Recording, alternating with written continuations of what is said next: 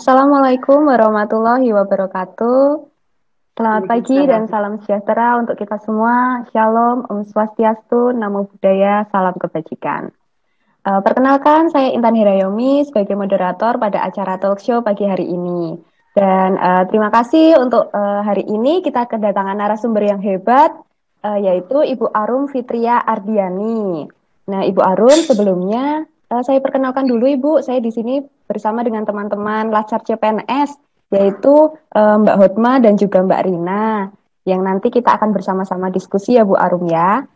Oke, Oke. sebelum uh, kita lanjut, saya perkenalkan dulu, Bu Arum ini merupakan salah satu PKB di Kabupaten Purbalingga. Dan Bu Arum ini uh, masuk ke PKB tahun 2010, tetapi hebat sekali uh, di tahun ini Bu Arum meraih prestasi juara penyuluh KB tingkat nasional.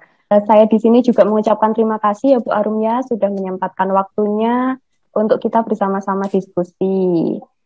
Nah, uh, gini Bu Arum, uh, ini kan menjadi PKB teladan itu pasti banyak tantangannya ya Bu, apalagi selama dari tahun 2010 sampai tahun 2021 uh, sudah meraih banyak prestasi, salah satunya PKB teladan uh, saya boleh tahu Ibu uh, tantangannya kira-kira apa Bu menjadi penyuluh KB selama ini menjadi garda terdepan pelayanan KB. Boleh disampaikan Ibu? Silahkan. Oke, terima kasih. Ini sebelumnya saya mohon maaf kepada Bapak Ibu Widya Iswara karena saya sudah uh, bertanya boleh enggak saya jawab jujur ini pertanyaannya gitu ya. Apa uh, apa harus dijawab yang bagus-bagus aja gitu. Katanya jawab jujur aja Bu biar kita semua jadi ikut belajar gitu.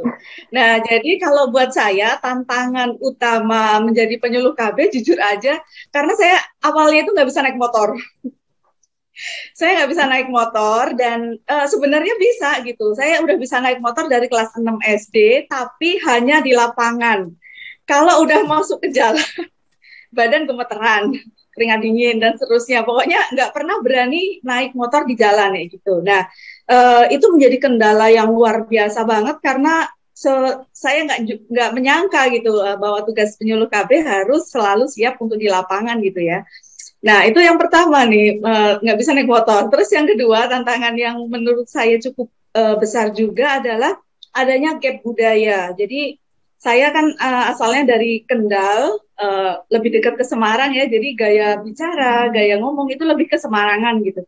Tapi begitu harus ke Purbalingga, ini kan harus menyesuaikan dengan gaya Banyumasan gitu. Ada tetap ada sedikit perbedaan gitu, culture gap itu ada dan Uh, sebelum di Purbalingga saya sudah sempat tinggal di Ketenger Batu Raden. Nah di situ uh, saya ingat betul gitu uh, cara bicara, uh, cara berkomunikasi orang Ketenger itu cenderung lebih lugas gitu. Di mungkin bisa dibilang cenderung lebih lugas dibanding Purbalingga gitu. Nah uh, saya terbiasa dengan gaya bicara mereka, gaya berkomunikasi uh, masyarakat di Ketenger. Nah, uh, suatu ketika ada satu kata yang menurut uh, kita di Tenger itu kata-kata yang biasa diucapkan gitu, sebagaimana kata-kata hal yang uh, percakapan pada umumnya gitu, kayak orang Sunda ngomong cemah gitu ya. Nah itu uh, kita ada kata yang namanya penjorangan. Jadi apa-apa tuh penjorangan, penjorangan. Nah, saya terbiasa mengucapkan kata itu gitu. Suatu ketika saya ke desa gitu ya melakukan penyuluhan terus saya ucapkan kata itu gitu. E, oh lah bu penjorangan banget lah jenengan. Dan saya kaget gitu. Ternyata itu dianggap tidak sopan gitu. Bahwa kata penjorangan itu nggak sopan dan tidak seharusnya diucapkan kepada apalagi kepada orang yang lebih tua gitu. Nah eh, hal-hal e, seperti itu yang kemudian menjadi pembelajaran buat saya untuk oke okay, tugas kita di lapangan yang utama adalah komunikasi. Itu adalah menjadi kunci dan uh, saya rasa ketika kita sudah bisa mengatasi hal tersebut, uh, ke depan mungkin akan lebih banyak jalan yang terbuka gitu. Karena memang hakikatnya ketika kita ingin menyampaikan pesan kepada masyarakat adalah bagaimana juga kita uh, berkomunikasi yang bisa diterima, bisa uh, didengar dan uh, lebih mengena gitu ya ke masyarakat. Itu sih. Oke, terima kasih Bu Arum luar biasa uh, apa ya jadi motivasi juga buat saya secara pribadi ya Bu ya. Uh, jadi apa kalau dari Bu Arum sih saya bisa mengambil kesimpulan bahwa komunikasi itu sangat penting ya Bu ya. Kemampuan iya. komunikasi. Yeah. buat saya juga biar apa ya kalau buat saya sih biar kita bisa lebih berani untuk kita tampil di depan publik ya Bu ya. Terima kasih Bu Arum. Uh, mungkin dari teman-teman uh, ada yang mau ditanyakan yang masih penasaran nih terkait dengan uh, pengalaman dari Bu Arum. Silahkan teman-teman. Oke, saya Mbak Arum. Saya Mbak Arum mau bertanya. Tadi kan sudah disebutkan komunikasi sangat penting ya. Ini saya mau membahas uh, tentang kerjasama. Apakah kerjasama lintas sektoral di uh, wilayah kerja Mbak itu berjalan dengan baik? Kalau iya, bentuknya apa saja nih Mbak? Gitu, terima kasih. Oke, terima kasih.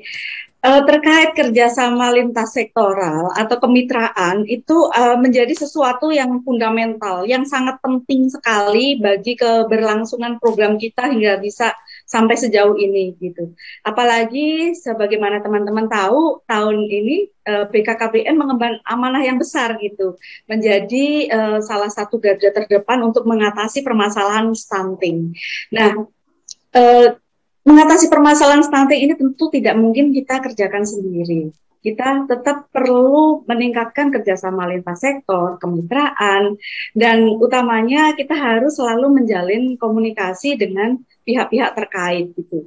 Dan uh, alhamdulillah kalau terkait kemitraan sebenarnya tidak terlalu uh, sulit untuk kita lakukan karena yang pertama sebenarnya di atas sendiri yang sudah membuka jalan bahwa BKKBN diserahi amanah ini bersama dengan kemudian di lapangan uh, kita otomatis akan bekerja sama dengan bidan desa dan seterusnya. Nah, uh, hubungan baik dengan bidan desa, dengan bidan koordinator di puskesmas untuk tingkat lini lapangan ini menjadi sangat penting gitu uh, dalam rangka keberlangsungan program kita karena kader-kader kita di lapangan juga adalah kader kesehatan. Jadi kader KB pasti adalah juga kader kesehatan. Di mana pun tempat saya rasa sama gitu dan uh, oleh karena itu menjadi penting bagi kita untuk ingat ingat selalu bahwa uh, kita nggak mungkin berjalan sendiri dan poin kemitraan ini adalah sesuatu hal yang penting untuk bukan hanya untuk keberhasilan program kita, tapi juga agar bagaimana program kita itu nanti lebih terdengar, lebih menggaung, lebih bermanfaat, memberikan manfaat yang sebesar-besarnya bagi masyarakat. Ya, ya. Terima kasih Bu Arum. Uh, kerjasama lintas sektorat itu yang apa ya yang perlu kita butuhkan di mana pun kita bekerja memang kita butuh kerjasama ya bu ya. Oke mungkin mbak ada pertanyaan mbak? Oh iya mbak. Ini pertanyaan dari saya. Kalau menurut mbak Arum sendiri mengapa penting bagi seorang penyuluh KB untuk terus berkembang secara karir nih mbak? Lalu bagaimana caranya? Oke, terima kasih.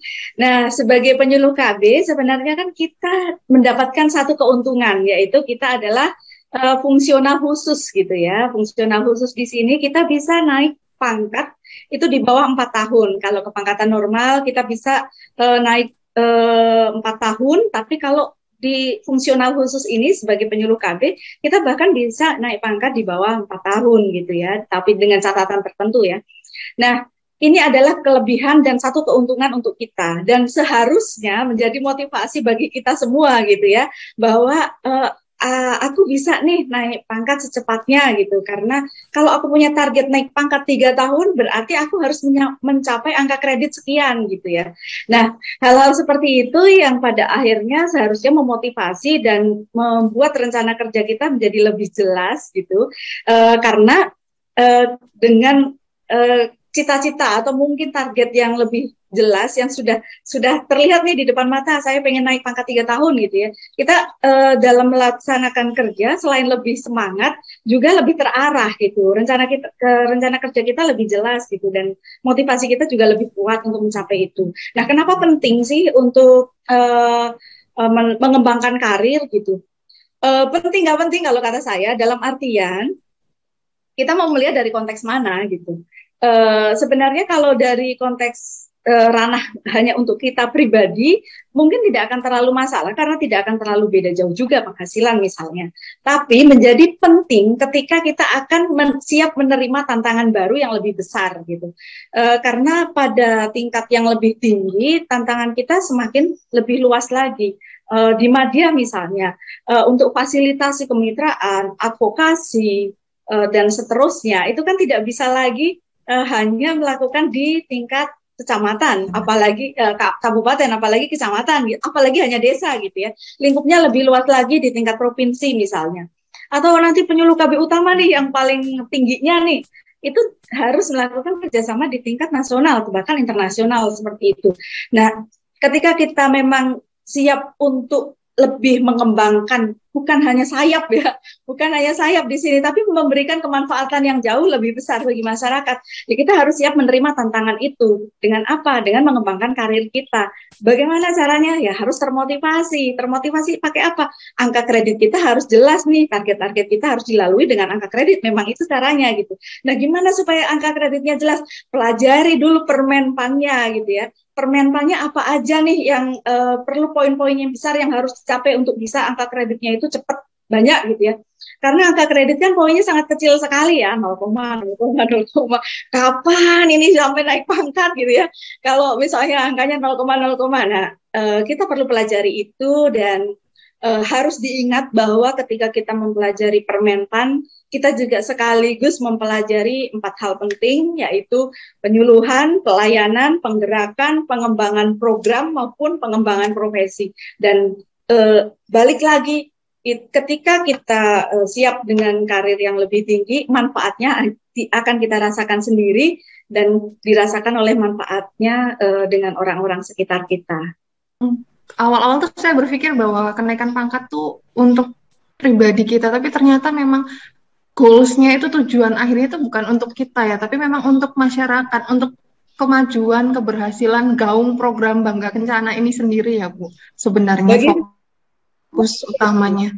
Bagi hmm. saya seperti itu, bagi saya seperti itu ya, karena ketika kita uh, mendapatkan kenaikan pangkat, ada karir yang lebih tinggi, kita juga mendapatkan tanggung jawab yang lebih besar. Seperti yang tadi disampaikan, uh, mungkin di penyuluh KB penyelia, penyuluh KB terampil, itu uh, bisa mengerjakan tugas-tugas di lapangan di tingkat kecamatan bisa. Tapi ketika nanti penyuluh KB pertama di hanya di tingkat kecamatan, nanti di penyuluh KB muda di tingkat kabupaten, di media, di tingkat provinsi, utama, nasional dan seterusnya.